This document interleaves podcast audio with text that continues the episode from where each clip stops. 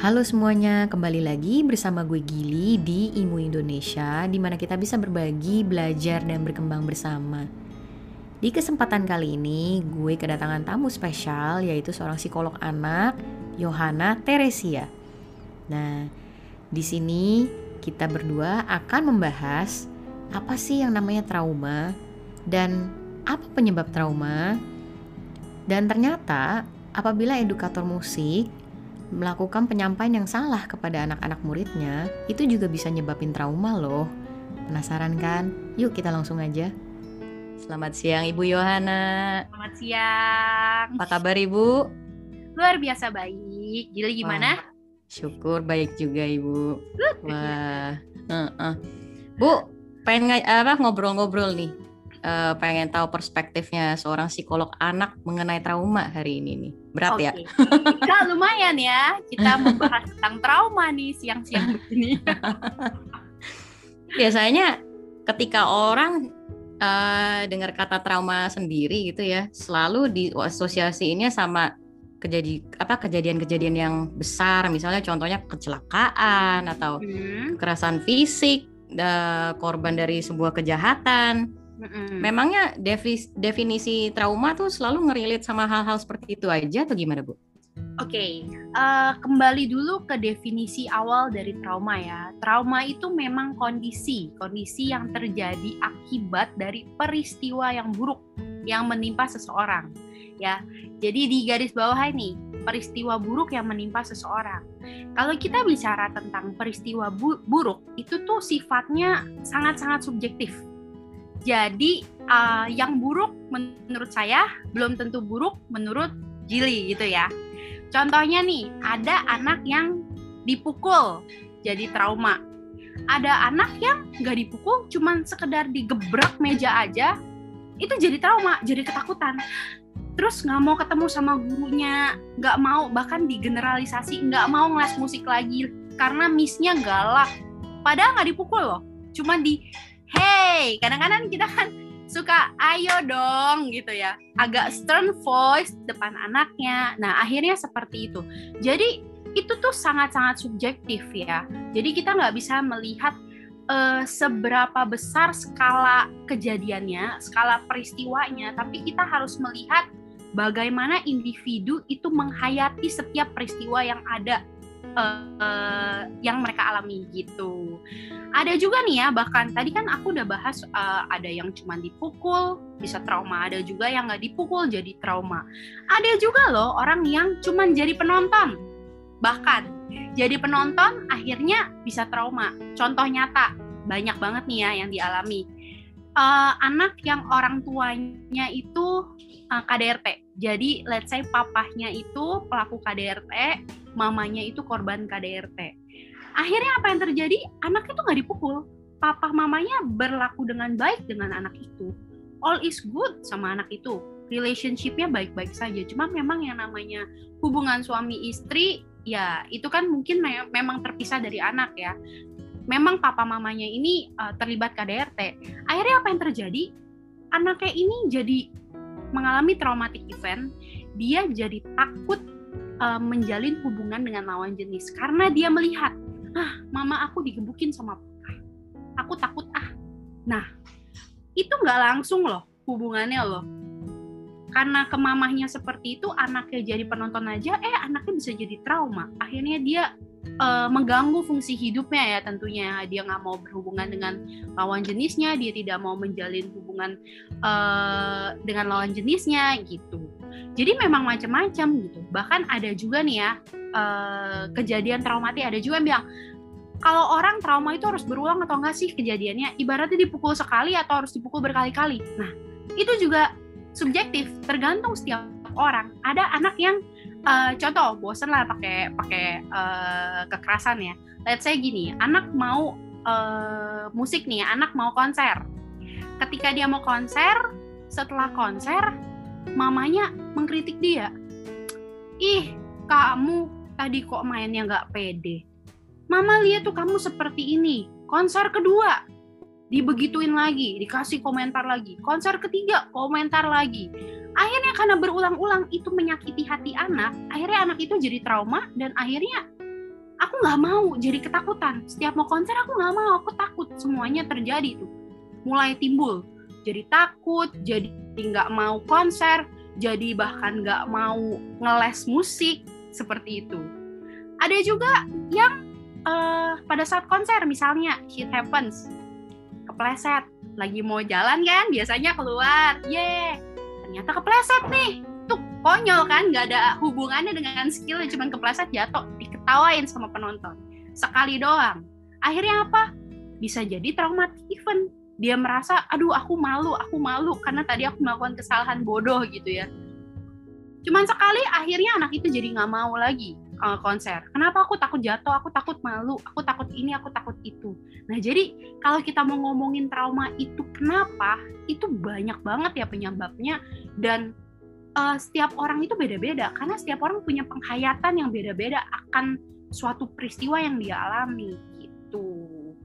Oke, oke. Berarti bukan harus yang kejadian yang besar, tapi yang sesuatu yang memang terjadi impactful sama dia, makanya jadi begitu ya. Betul sekali. I see, I see. Jadi kalau mau ditanya siapa aja yang bisa memiliki trauma, berarti bisa dibilang semua orang ya? Oh iya, tentu. Trauma itu kayak COVID. tidak melihat usia, tidak melihat jenis kelamin, semua tua muda anak-anak semuanya bisa kena trauma semua punya apa ya uh, berpotensi let's say itu ya semua orang itu punya potensi mengalami trauma gitu ya tapi memang kalau ditanyain uh, ada nggak sih uh, siapa aja sih yang rentan mengalami trauma jadi kita bicara tentang risk factor ya uh, faktor resiko orang mengalami trauma ada beberapa faktor resiko, eh, faktor resiko. Salah satunya adalah mental state yang nggak stabil. Jadi memang mental kita kalau lagi tidak stabil, artinya misalnya mungkin kita lagi dalam keadaan stres, stres berat mungkin ya, uh, atau mungkin kita lagi merasa nggak aman, insecure dengan apa pun, even dengan diri kita, dengan lingkungan kita, kita merasa tidak aman, tidak nyaman lagi dengan lingkungan kita. Terus bisa juga karena orang-orang yang support sistemnya jelek.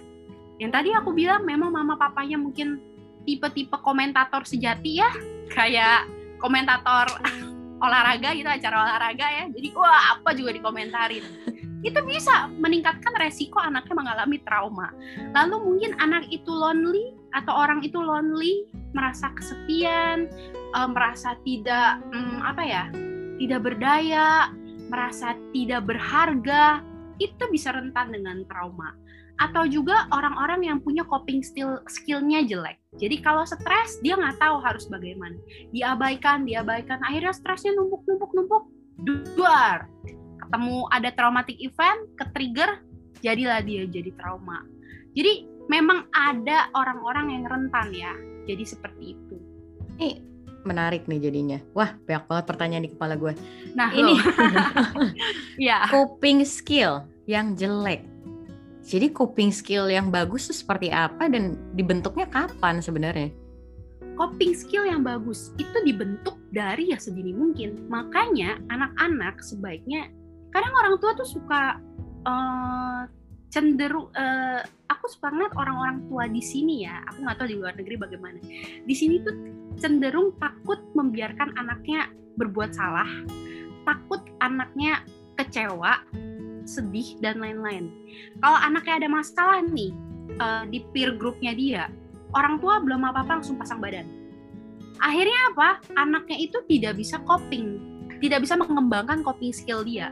Dalam arti misalnya dia kecewa, ya udah anak memang harus mengalami yang namanya rasa kecewa. Anak itu memang harus mengalami yang namanya rasa sedih. Kebayang nggak kalau kita nggak pernah sedih, nggak pernah kecewa, udah gede diputusin pacar. Terus mamanya nggak pernah kasih tahu, kalau kamu kecewa kamu harus bagaimana anaknya itu nggak tahu gimana aku harus mungkin ya udah memang ini emang ada yang namanya hal-hal yang membuat aku kecewa dan aku harus bisa menghadapi itu, melewati itu bersama orang-orang yang aku sayang, orang-orang yang support aku. Terus uh, aku harus bisa mungkin supaya aku nggak inget terus sama yang itu uh, kejadian yang mengecewakan, aku harus menghibur diri aku, entertain diri aku, distract diri aku dengan kegiatan lain yang lebih bermakna. Let's say seperti itu. Dan coping skill seperti itu yang harus kita latih sejak dini itu. Dengan cara apa ya tadi? Dengan cara let them. Biarkan mereka melakukan kesalahan, biarkan mereka kecewa, biarkan mereka merasa sedih. Kadang ada kan sering jili ngeliat ya orang-orang anaknya teriak, emaknya takut di public uh, di apa ya tempat-tempat umum anaknya nangis minta dibeliin mainan. Mama papanya panik aduh gimana gimana? Udah udah udah nggak apa-apa. Nih nih kamu mau mainan yang mana? Udah jangan sedih mama kasih semuanya. Banyak loh yang kayak begitu loh Jili loh. Kita kadang ngeliatnya masa sih masih ada ya zaman sekarang nih kayak gitu. Banyak banyak banget. Jadi Anak kalau udah kayak gitu lebih baik dia apain kalau mereka udah lebih nangis baik, tantrum di publik gitu biarin aja. Deketin eye level bilang sorry ya dek. Mama nggak bisa beliin kamu mainan itu. Tapi nanti next time kalau kamu misalnya misalnya ada deal-dealan kalau kamu naik uh, misalnya naik kelas atau kamu ulang tahun mami pasti akan berikan itu karena itu special occasion jadi mami mau kasih sesuatu yang spesial juga buat kamu. Saat ini ya udah jujur uh, uang yang mami mau beli kita kalau aku suka uh, suka ngajarin fakta based on fakta bukan yang apa ya ngawang-ngawang. Jangan mami duitnya lagi diambil sama Santa Claus misalnya yang kayak gitu-gitu enggak. Aku biasanya bilang saat ini uang yang mami punya mau buat beli makanan buat kamu mau buat bayarin sekolah kamu dulu. Nanti kalau udah akhir tahun nih atau lagi Christmas atau kamu lagi ulang tahun, mami ada budget nih, mami ada uang buat khusus buat beliin kamu mainan. Jadi nanti ya, jadi kita bilang begitu dong. Anak itu nangis, tetap nangis pasti. Nggak semua anak yang angel, yang begitu dikasih tahu begitu langsung, oke okay, mami, aku ngerti, oke okay, thank you mami enggak. Pasti anak itu akan teriak-teriak makin menjadi, ya udah uh, biarkan orang-orang sekitar kita menjudge kita ya yang tahu kondisi kita, yang tahu anak kita itu adalah diri kita sendiri. Let them. Mau mereka bilang, ih emaknya kok jahat banget ya, anaknya kayak gitu dan nangis-nangis tega banget ya. Biarin aja, yang tahu kan kondisinya kamu. Tahu kamu nggak main tangan, jadi ya udahlah bikin anak nangis nggak bakal bikin dia kenapa-kenapa kok. yang penting kita tetap berusaha untuk mendekati, tetap bicara. Ya udah kalau kamu kecewa nggak apa-apa. Sorry ya mama buat kamu kecewa. Ya udah. Jadi anak belajar banyak hal loh dari hal itu loh. Jadi wow. agak ngomongin tantrum nih. wow. Ini benar-benar ini, ini memang yang skill baik yang sekali gampang uh, diucap tapi perlu latihan ekstra untuk melewati setiap tantrum anak ya. Jadi buat orang tua jangan bilang ah lu kan psikolog, ah lu mah kebanyakan makan buku. Aku pernah lo digituin lo sama orang. Ah kamu mah kebanyakan makan buku, nggak tahu kalau anak tantrum kayak gimana. Iya, tapi aku punya anak, anakku juga tantrum kok. Tapi aku bisa berusaha untuk jaga diri aku untuk tetap calm, tetap santai, tetap waras, tetap clear mainnya sehingga aku juga bisa bersikap dengan lebih baik menghadapi anak tantrum dan it works. It works on me gitu. Jadi Ini ya teman-teman imu berlatih. di sini, teman-teman imu di sini yang udah beranak didengar baik-baik ya. Ini nggak mesti beranak loh. Ini guru-guru juga pasti menghadapi yes. anak tantrum dong. Gak mungkin nggak loh. Apalagi kalau misalnya anak-anak yang aku nggak tahu ya kalian nih guru-gurunya yang ngajarin anak-anak usia berapa tapi kan setahu aku sekarang anak-anak juga banyak yang di usia 3 4 tahun juga udah dilesin piano yes. ya udah banyak yes. yang seperti itu hmm. gitu oke okay. anak-anak jadi, usia segitu hmm. juga memang tantrum jadi ya wajar banget lah kita juga bisa praktekin ini kok yes yes yes jadi ini trauma benar-benar inevitable ya nggak ada yang bisa nggak ada satu orang pun yang bisa escape gitu dari trauma. Um, betul, tapi untuk mengurangi faktor resikonya itu masih memungkinkan kok. Caranya gimana ya? Di only way pernah dengar anak-anak resilience nggak? Itu uh, anak-anak yang tangguh. Wah, jadi gimana tuh? Itu uh, apa ya? Istilah ini mulai-mulai hits ya sekitar 3-4 tahun terakhir lah di dunia psikologi ya. Jadi mulai uh, kita sebagai psikolog mulai uh, apa ya kayak campaign gitu ya, let's say ya, mulai memperluas uh, research kita tentang resilience kids gitu ya, uh, supaya orang tahu kalau misalnya anak-anak itu memang benar kita nggak bisa mengontrol lingkungan kita. Kemungkinan kita uh, mengalami trauma karena lingkungan kita itu sangat besar dan tidak bisa dihindari. Tapi kita bisa apa ya, membangun perisai dalam diri anak kita dengan membuat anak kita menjadi tangguh. Gimana caranya? Ya tadi yang aku bilang. Sejak dini kita harus jadi uh, supportive role model buat anak kita. Mau anak kita tangguh tapi kitanya juga nggak tangguh kita gampang menyerah kita mungkin dikit-dikit langsung down gitu ya mentalnya nah gimana anak bisa mencontoh gitu ya. Kita juga harus menjadi pribadi yang tangguh pribadi yang memang fair-fairan sama anak. Oh ya nih mami lagi mengalami masalah dan mami harus menghadapi masalah itu. Mama ini lagi uh, sedih karena hal tertentu dan mama harus bisa melewati kesedihan mama. Mama sedang kecewa dan lain-lain. Kita harus melewati itu semua. Setelah itu kita harus bisa uh, membiarkan anak kita untuk melakukan kesalahan. Let them make mistakes. Karena itu uh, salah satu jalan yang paling works ya menurut aku ya untuk membuat anak belajar. Jadi belajar itu sebenarnya nggak perlu dipaksakan.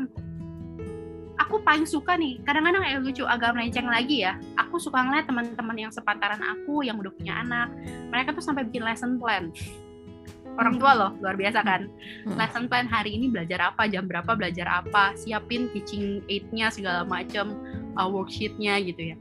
Sedangkan aku tipe orang yang hmm, aku bisa belajar aku bisa ngajarin anak aku dari apa pun. Nggak perlu spesifik siapin hal-hal seperti itu. Balik lagi ya nggak ada yang salah nggak ada yang benar. Tapi ini tergantung pribadi orang tuanya masing-masing tipenya yes. seperti apa. Dan jujur kalau aku aku sudah banyak kerjaan jadi aku sudah tidak sanggup untuk bikin-bikin hal-hal seperti itu gitu. Terus uh, ya udah aku biarkan dia main dia observasi mainan dan semua yang ada di rumah aku. Dia bawa air mau mainan dispenser let's say seperti itu ya. Tumpah. Ya make mistakes kan. Tapi dia bisa dia akan belajar something. Lain kali kalau mau bawa sesuatu harus hati-hati lain kali kalau mau ke dispenser harus bagaimana pegangnya. Aku cuma boleh ambil dispenser supaya nggak diomelin oma opa let's say seperti itu. Ya aku cuma boleh main air kalau aku lagi butuh airnya let's say seperti itu. Nah dari hal-hal kecil seperti itu kan mereka bisa belajar. Dari kesalahan-kesalahan kecil mereka bisa belajar. Dan itu yang akan membuat mereka mengembangkan uh, problem solvingnya problem solving skillsnya. Oh oma marah what should I do nih? Aku harus pura-pura bu pura-pura nggak tahu gitu ya. Pura-pura nggak dengar atau aku harus bilang oma sorry gitu. Itu kan semua uh, problem uh, problem solve skill yang dibutuhkan kita dalam berinteraksi dengan orang lain ketika kita dewasa nanti. Yes. nggak mungkin kan kalau kita udah buat salah orang tuanya udah segede Jili. Jili minta maaf dong gitu kan. Kita juga kesel ya kayak gitu ya. Nah justru kita harus tumbuhkan itu dari sedini mungkin. Setelah itu apalagi yang bisa kita lakukan? Kita harus bisa bantu mereka untuk manage emotion mereka. Itu yang penting untuk uh, membuat anak-anak jadi tangguh. Yang tadi aku bilang, dia kesel, dia kecewa, dia sedih, dia senang. Biarkan emosi itu uh, mereka rasakan. Kita sebagai orang tua membantu mereka untuk accept loh Gimana caranya dengan menerima emosi yang mereka munculkan? Kalau kita orang tuanya nggak terima, jangan nangis, jangan sedih. Gak boleh marah dong, masa gitu aja marah. Gimana anak itu bisa menghargai emosi yang muncul? Padahal yeah. kita kan human, kita bukan robot. Kita manusia yes. yang punya emosi gitu dan kita harus sadari itu, kita harus aware dengan emosi yang kita uh, rasakan dan kita juga harus belajar how to maintain it gitu. Kalau kesel kalau marah ya udah aku marah tapi boleh nggak kalau marah mukul selesai nggak marahnya? Enggak. Ya gimana caranya? Di situ kita orang tua harus masuk. Kalau kamu marah nggak apa-apa tapi kalau kamu mukul es krim kamu nggak bakal balik lagi. Udah ada di perut sama uh, dedek kamu. Jadi gimana? Kita kasih tahu nama dedek ya. Dedek nggak boleh gitu lain kali. Kokoh nggak suka nih uh, es krimnya diambil sama dedek setelah itu minta sama mama. Kalau mama kasih beliin yang baru ya udah. Itu balik lagi ke problem skill. Hmm, ini menarik nih gue bisa relate tentang yang tadi lu bilang anak-anak kalau marah kalau nangis jangan di stopin malah harus diajarin ya. Betul. Ya biasa lah maksudnya kayak Asian parenting kan udah terkenal ya. Kalau anak nangis gitu stop nggak? Sentil gitu kan. Kemudian kalau nggak uh, apa namanya nggak boleh marah. Kamu nanti apa jadi darah tinggi misalnya gitu kan. Oh ya kan? Iya. itu gue dapet loh dulu loh itu dan kenyataannya bener. Efeknya ke gue yang gue rasain ketika gue lagi ngerasain sedih ngerasain marah itu gue nggak pernah bisa ngeluarin secara verbal. Jadi yang terjadi adalah gue pendem lalu eh sampai ada orang yang crossing boundaries gue pun gue diem. Gue nggak ngerti caranya eh, gimana kasih tahu eh gue nggak suka lo gue nggak seneng lo pada akhirnya jadi sarkastik joke Nah. Ah-ah. ini teman-teman imu coba didengarkan ya yang punya anak atau yang punya murid Atau mungkin yang mau refleksi diri ya, yang atau punya trauma-trauma tersendiri. iya tapi itu Betul, betul. bener ya itu bener-bener loh wow Jadi dia Hmm. tidak terbiasa untuk mengekspresikan emosi dia dengan Yes. cara yang tepat. yes Ekspresiinnya setiap mau sebenarnya kalau kita sedih misalnya ya sesuatu barang kita diambil kita sedih kita marah itu wajar nggak sih? Wajar kan? Coba aja kalian suaminya diambil sama orang marah. Coba bisa ketawa-tawa. Bisa tuh bilang jangan sedih. Terus kalian bisa nggak sedih? Nggak mungkin gitu loh. Sama buat anak-anak mainan yang sepele menurut kita itu tuh bisa jadi pacar atau suami buat dia loh gitu loh ibaratnya jadi jangan diremehkan gitu. Ya kalau memang dia kesel dia sedih ya sudah biarkan saja. Sesepele apa pun kadang-kadang kan kita orang dewasa suka lupa ya. Hal hal kecil yang menurut kita tuh kecil tuh besar buat anak gitu.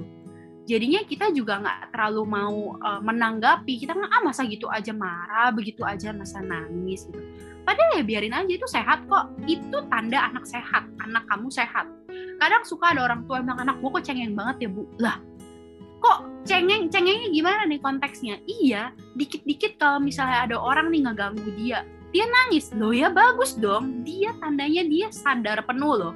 Dia sadar penuh dengan apa pun yang terjadi dalam diri dia dan dia tahu cara mengekspresikannya. Ya mungkin dia tidak bisa mama aku sedih. That's why kita sebagai orang tua harus bantu mereka untuk name it. Kasih nama oh yang kamu rasakan ini kamu sedih. Kamu sedih karena apa kasih tahu ke anak ajarin itu kan kita lagi ngajarin cara eh, apa ya eh, men- mengajarkan emosi dia gitu mengenal emosi dia kalau bukan kita yang ngajarin siapa bu nggak ada Yes, yes, yes. Wah, ini benar-benar pelajaran yang apa penting banget buat semua orang ya. Ini pe- yang pengen gue tanya, jadi sebenarnya trauma itu disimpan di bagian tubuh mana aja sih selain di memori kita? Oke, ya memang sebenarnya namanya trauma itu karena traumatic event itu pasti tersimpan di memori kita di otak. Tapi mungkin ada eh, yang kita rasa akibat dari memori itu bisa di berbagai tubuh kita, di berbagai eh, organ tubuh kita. Eh, ada yang namanya somatisasi. Mungkin eh, eh, nggak tahu ya, Jili pernah dengar nggak istilah somatisasi? Nggak ya? Belum. Boleh Jadi somatisasi itu adalah suatu kondisi. Jadi pasien ini merasa sakit di bagian tertentu di tubuhnya, tapi secara medis itu tidak ada apa-apa. Ternyata itu bisa jadi karena traumatic event. Contohnya nih ya, mungkin dulu kita pernah digebuk sama papa kita masih kecil, nakal, gitu ya. Saya seperti itu. Ya udah, pikiran nggak kenapa-kenapa. Ternyata kok ketika kita sudah gede, suka ngerasa sini sakit, ada apa ya? Kok sakitnya bener-bener sakit banget? Bahkan ada ya aku pernah dengar case yang dia nggak bisa ngegerakin tangannya sebelah. Jadi kayak stroke gitu loh. Tapi secara medis itu nggak ada apa-apa. Semua baik-baik saja gitu. Ada yang ngerasa pala aku pusing sekali kayak ditusuk-tusuk. Tapi nggak ada penyakit-penyakit tertentu. Jadi bisa jadi itu somatisasi. Kenapa? Karena ada kejadian-kejadian tertentu yang traumatis uh, di area-area tertentu itu yang sehingga dia jadi muncul lagi dia jadi ngerasa itu lagi gitu. karena kejadian itu belum selesai ibaratnya. Traumatic eventnya belum kelar belum dia selesain dia belum berdamai dengan event itu gitu. Jadi seperti itu ya tetap kalau disimpan disimpan di memori tentunya di otak. Tapi memang uh, kita bisa ngerasain di mana aja bisa jadi ngerasa sakit di mana aja. Wow. Memori itu begitu powerful ya. Yes, jangan main-main sama yang namanya uh, memori yang nama otak kita tuh nggak bisa main-main karena itu bisa jadi bumerang buat diri kita sendiri gitu. Jadi ya harus hati-hati ya dan harus aware kalau misalnya memang kita ngerasa aduh kok aku nggak ngerasa nyaman ya melewati masa kan kita suka kadang-kadang memang ada orang-orang yang terlalu meremehkan kejadian ya. Jadi kadang-kadang ah, udahlah gitu aja nggak apa-apa lah. Uh, tadi let's say sekarang lagi zaman kan kekerasan dalam pacaran ya. So, uh, cowok aku misalnya jangan cowok deh cewek deh gantian ya. Biar nggak cowok mulu yang jadi pelaku. Cewek juga ada kok gitu.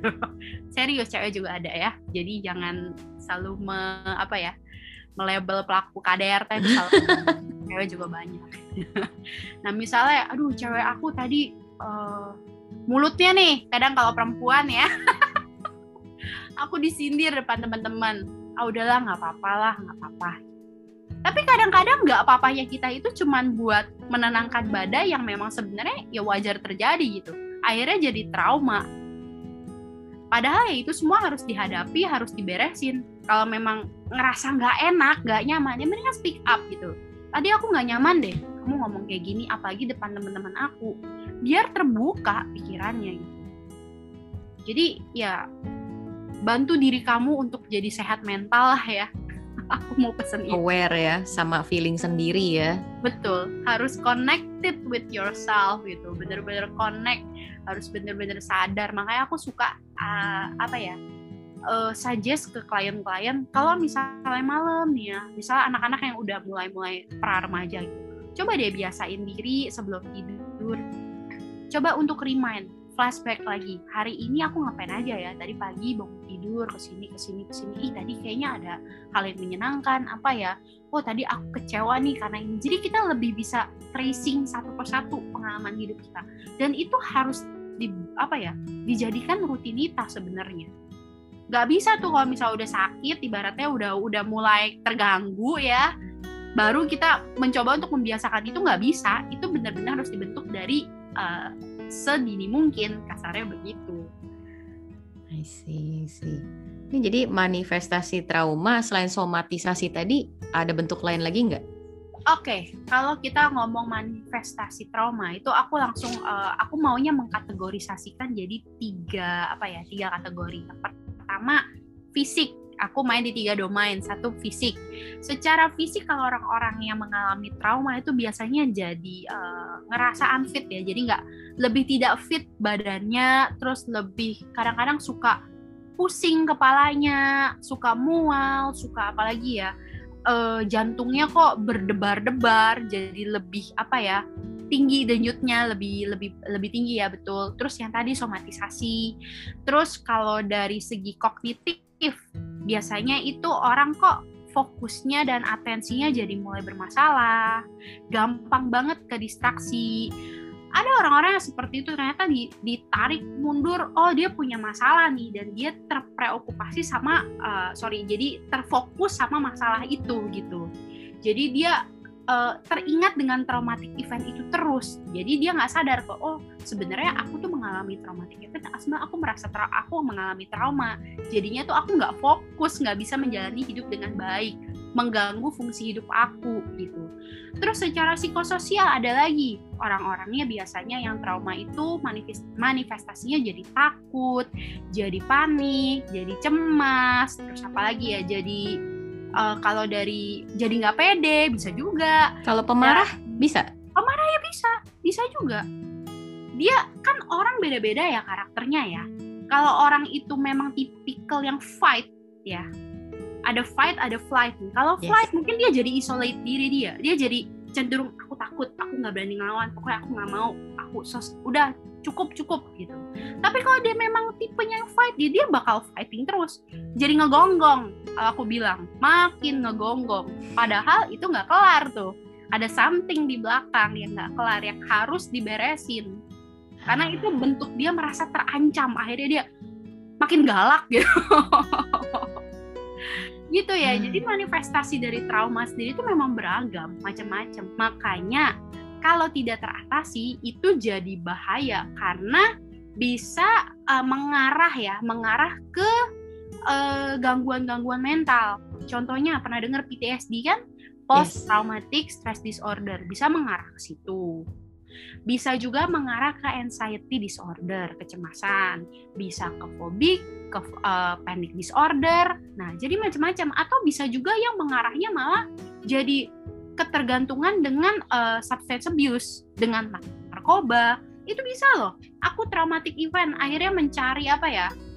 How to entertain myself, dia nggak tahu gimana entertainnya dengan cara yang salah akhirnya bergantung dengan hal tersebut kan jadinya kan terganggu itu termasuk disorder loh nah jadi harus hati-hati. Kapan itu kita bilang sudah mengganggu uh, apa ya sudah disorder ya? Kalau memang sudah mengganggu fungsi hidup kita. Kayak tadi misalnya aku trauma nggak ya? Aku suka takut nih. Kadang orang suka kadang-kadang nih dengar kayak kita kita ngomong kayak gini jadi self diagnose loh hati-hati. Jadi ngerasa kayaknya gue trauma deh padahal uh, apa nih yang membuat kamu merasa kamu trauma gitu ya? Iya aku tuh suka takut kalau lewatin jalan gelap. Dan saya seperti itu tunggu dulu takutnya itu tarafnya sebagaimana nih? Segini atau segini gitu loh. Kalau takut gelap ya ya ada orang yang takut gelap gitu loh. Tapi kalau takut gelap ya sampai kalau dimatiin lampu aku gelagapan jadi sesak nafas terus aku jadi benar-benar menghindari yang gelap-gelap gitu. Even mungkin aku sampai nggak mau pakai baju gelap gitu. Nah itu kan sudah mengganggu fungsi hidup. Sampai nggak mau mobil apa nyetir mobil malam-malam atau disetirin mobil malam-malam gitu ya.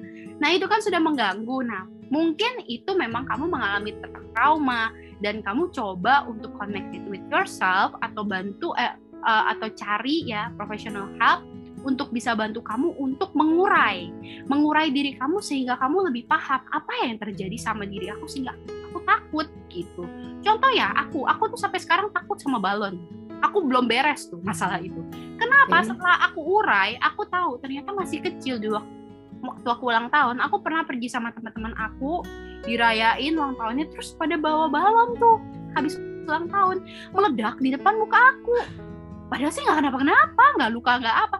Tapi itu menjadi satu hal yang besar dan sampai sekarang aku masih berusaha banget untuk bisa melawan ketakutan itu loh karena kenapa hmm. kalau aku nggak lawan kesian tuh anak gue ntar pada takut sama balon nurun ya ada main no no no nggak mau balon ya nggak mau balon ya kan kesian anak jadi korban ini menarik ya menarik banget ya manifestasinya tuh berbentuk beda-beda ya jadinya beda -beda. ya beda-beda. Bisa ke sifat jadi pemarah, bisa jadi ke nah. takut akan sesuatu yang berlebihan.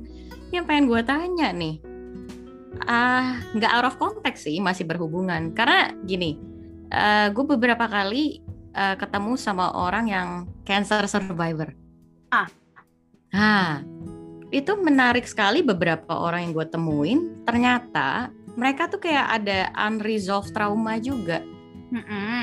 Mm -mm jadi uh, memang kan kita sampai hari ini bisa bilang kalau cancer itu mungkin dari lifestyle, dari dari pola makan dan sebagainya gitu, polusi dan yang lain-lain gitu ya.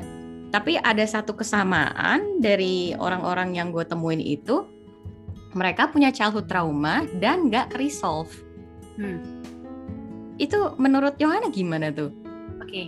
aku pernah dengar juga ya. Jadi gini, badan kita itu connected dengan ya yang aku pernah share ya sebenarnya kan pikiran kita connected sama yang namanya uh, fisik kita. Semua itu connected sama perilaku kita juga kan connected ya. Nah uh, kalau bicara tentang cancer aku juga pernah dengar nih. Aku sih nggak pernah baca jurnal ya secara langsung ya tapi aku pernah discuss sama dosen aku yang memang dia itu ya udah udah lebih jam terbangnya jauh lebih tinggi lah karena senior ya gitu.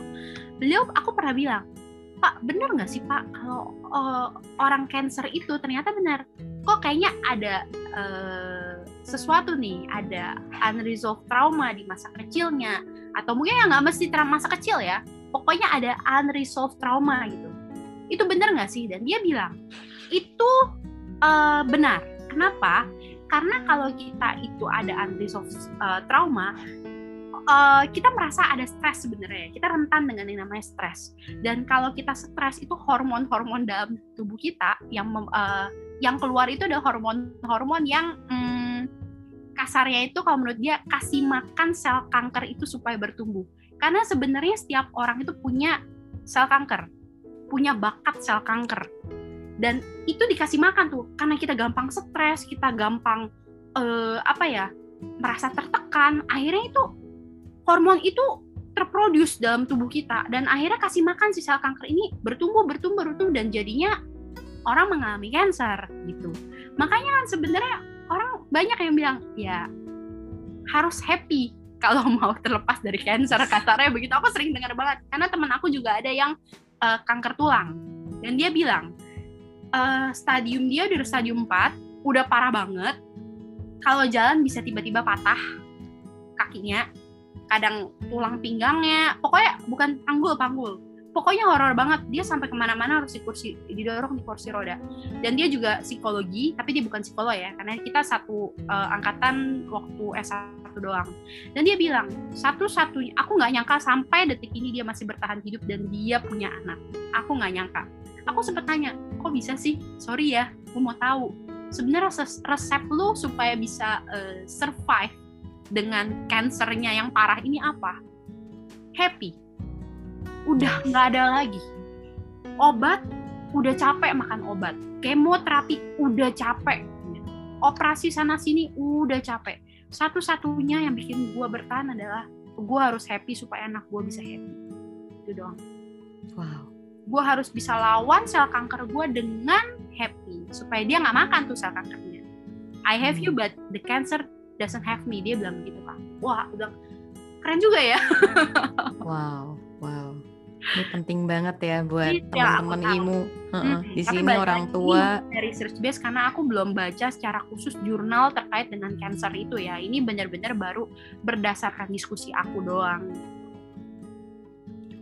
Oke, oke, ini menarik sih. Maksudnya biar teman-teman imu di sini yang sudah beranak dan juga mungkin para edukator juga yang apa hubungan pekerjaannya sama anak-anak bisa lebih berempati lagi dan bisa lebih aware lagi ya sama ini ya.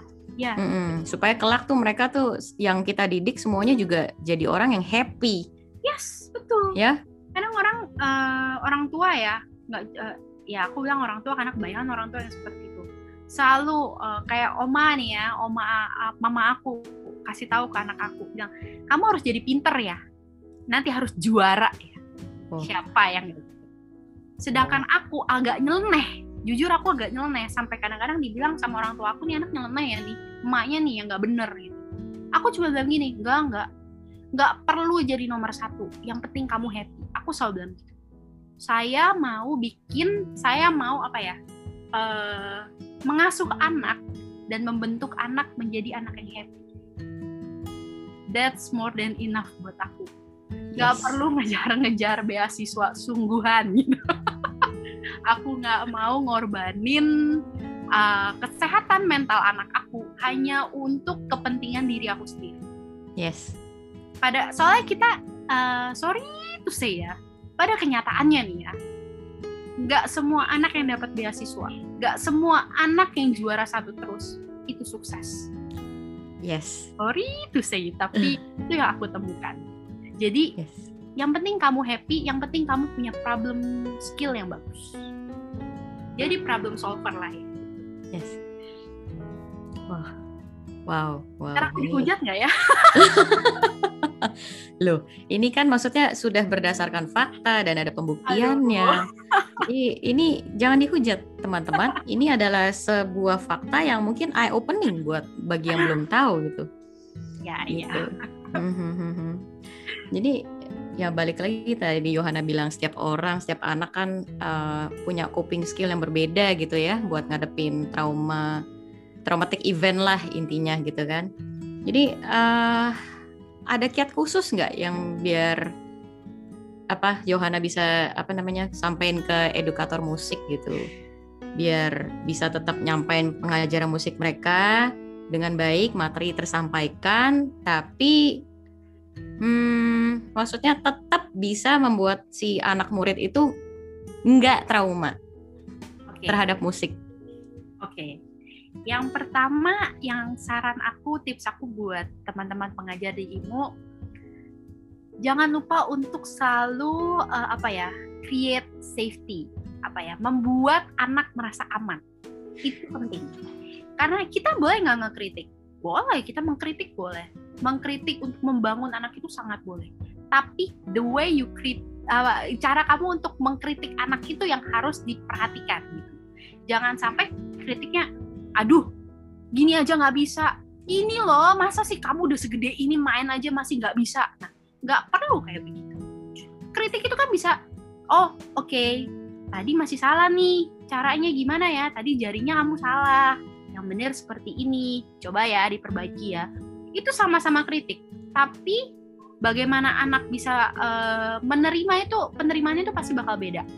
Satu yang lebih menjatuhkan yang satu yang oh aku merasa aman nih. Nggak apa-apa. Miss bilang nggak apa-apa. Miss tetap menghargai apa yang sudah aku usahakan. Tapi Miss tetap membantu aku untuk berkembang gitu. Jadi itu yang pentingnya. Harus menjaga keamanan uh, apa ya membuat anak merasa aman gitu dan nyaman sama kita. Tentunya ya balik lagi. Create a secure attachment sama anak kita. Kalau kita sudah merasa uh, attachment antara pengajar dan anak itu uh, aman, anak merasa aman dengan kita, merasa bisa kita, eh, kita bisa diandalkan oleh dia gitu ya. Mereka bisa menjadi siapa pun di depan kita, kita terima mereka padanya. Nah, itu akan membantu kalian banget loh untuk mengarahkan anak menjadi lebih baik. Pembelajaran musik pun lebih maksimal ya jadinya ya. Betul sekali, betul. Makanya kita harus kenali anak kita dengan baik ya. Setelah itu apalagi aku cuma mau ngingetin kita kadang-kadang sebagai orang tua, sebagai pengajar memang punya ego ya, punya um, keinginan yang kuat membantu anak ini untuk berkembang. Ya. Tapi ingat, ingat baik-baik, keberhasilan lesson plan itu, keberhasilan satu pengajaran itu nggak cuma dari guru. Tetap harus melihat guru, anak, orang tua aku nggak pernah bosen kayaknya aku nggak tahu aku pernah ngomong ini di mana tapi aku nggak pernah bosen di mana pun aku harus ingetin ini. Kalau gurunya oke okay, punya visi yang baik punya visi anaknya aku pengen anaknya uh, bisa main musik ini let's say seperti itu ya bisa bisa main musik A. Terus anaknya kepengen tapi mamanya bilang ah ngapain? Jangan yang itu yang ini aja itu tidak akan berhasil. Balik lagi gurunya udah mau seperti itu, mamanya juga mau, tapi anaknya tidak mau. Anaknya visinya beda, enggak aku mau main musik buat diri aku sendiri, bukan untuk menjadi musisi. Itu juga tidak akan berhasil. Gitu. Jadi ini nih harus satu frekuensi, satu visi, satu misi gitu loh untuk mencapai keberhasilan pengajaran, untuk membuat pengajaran musik jadi lebih efektif. Lalu jangan lupa juga kita ngajar manusia kita mengajar anak manusia bukan robot ya. Jadi bukan objek. Kadang-kadang kita nggak bisa nih ya suka suka lupa. Ya udah ini harus kayak begini harus begini. Nggak mau tahu kamu mainnya begini. Kamu salah ya salah. Iya betul kita harus kasih tahu dia salah. Tapi caranya nggak gitu. Kita harus ingat anak punya emosi. Anak juga mau dihargai. Sekecil apa pun apa ya usaha yang mereka lakukan kemajuan yang mereka capai tetap harus kita hargai, tetap yes. harus kita akui. Kadang-kadang suka lupa. Misalnya yang dulu, yang kemarin udah bisa main musik. Dulu sih aku dulu kalau belajar musik kan banyak tuh. Part ini udah bisa, part ini belum bisa. Tapi kalau part ini tadinya nggak bisa jadi bisa, tetap dibilang sama guru aku, oh good, kamu udah bisa sampai sini. Next week harus udah bisa sampai sini ya. Diusahain ya, harus bisa sampai sini ya jangan apresiasi ya. apresiasi itu jangan pelit-pelit ya. Apresiasi nggak mesti pakai benda kok. Apresiasi itu kalau memang kita hubungannya baik ya sama anak dengan kita kasih atensi ke mereka ya. kita hear and now kita mau mendengarkan mereka kita tepuk uh, pundak mereka. Mereka udah senang loh. Mereka udah ngerasa ih that's more than anything. Wow. jadi itu aja sih saran aku buat uh, teman-teman pengajar di IMU wow Nice, nice. Wah ini perbincangan kita hari ini benar-benar daging semua ini. Itu tuh pakai dessert ya. Aduh, nih Bu, kita udah sampai di penghujung acara nih. Ada satu pertanyaan uh, yang harus dijawab. Jadi sebenarnya impian seorang Yohana Teresia sebagai psikolog anak apa nih Bu? Impian aku? Yes. Satu dari awal aku masuk uh, psikologi adalah aku pengen banget bisa bikin anak-anak tuh happy. Karena kasihan banget melihat anak-anak banyak yang nggak happy karena lingkungannya. Jadi aku memang punya keinginan khusus bisa membantu mereka membangun perisai buat diri mereka supaya mereka bisa happy dan jadi anak-anak yang tangguh. Itu sih pian aku. Termasuk anak-anak aku, even though aku mungkin sekarang terbatas karena aku saat ini memang lagi prioritasnya untuk anak, tapi aku berharap banget anak aku dulu deh nih bisa happy one day aku bisa reach anak-anak lain, aku bisa reach anak-anak lebih banyak lagi supaya bisa jadi lebih baik. Gitu. Nice, wah mulia sekali ini si Bu Yohana nih. Bu, thank you banget buat waktunya, buat sharingannya hari ini. Udah Sama-sama. bersedia uh, jadi narsum di IMU. Ini kalau uh, teman-teman IMU ada yang nanya nih misalnya, eh Gil, kalau misalnya mau konsultasi ini sama Bu Yohana, boleh nggak nih? Bisa oh. di reach ke mana ya? boleh tuh? Boleh uh, boleh DM aku di Instagram di @yohanateresia T H E R E S I A A belakangnya. Boleh juga kontak aku minta ke Jilly di WhatsApp aja ntar aku akan bantu uh, aturin schedule-nya karena aku sampai saat ini masih uh, online online konsulta uh, consultation terimanya jadi belum offline Oke, Bi, kalau gitu. Thank you banget Ibu. Thank you banget iya. semuanya. Tetap Sorry. sehat, tetap ya, sukses. Sampai ya. ketemu lagi kalau Covid ya. udah apa berakhir ya. kita harus ketemu lagi nih. Iya dong. Thank you ya Bu. Project selanjutnya ya. oh ya pasti, pasti. Terima kasih untuk teman-teman Imu Indonesia yang telah menonton podcast kali ini. Jangan lupa klik like dan subscribe. Apabila teman-teman merasakan manfaatnya, silahkan di-share dan jika teman-teman ingin mengikuti perkembangan IMU Indonesia, bisa follow kami di Instagram at IMU underscore Indonesia. Juga bisa dilihat di Facebook page kita, Intelligence and Music. Sampai jumpa kembali di episode berikutnya.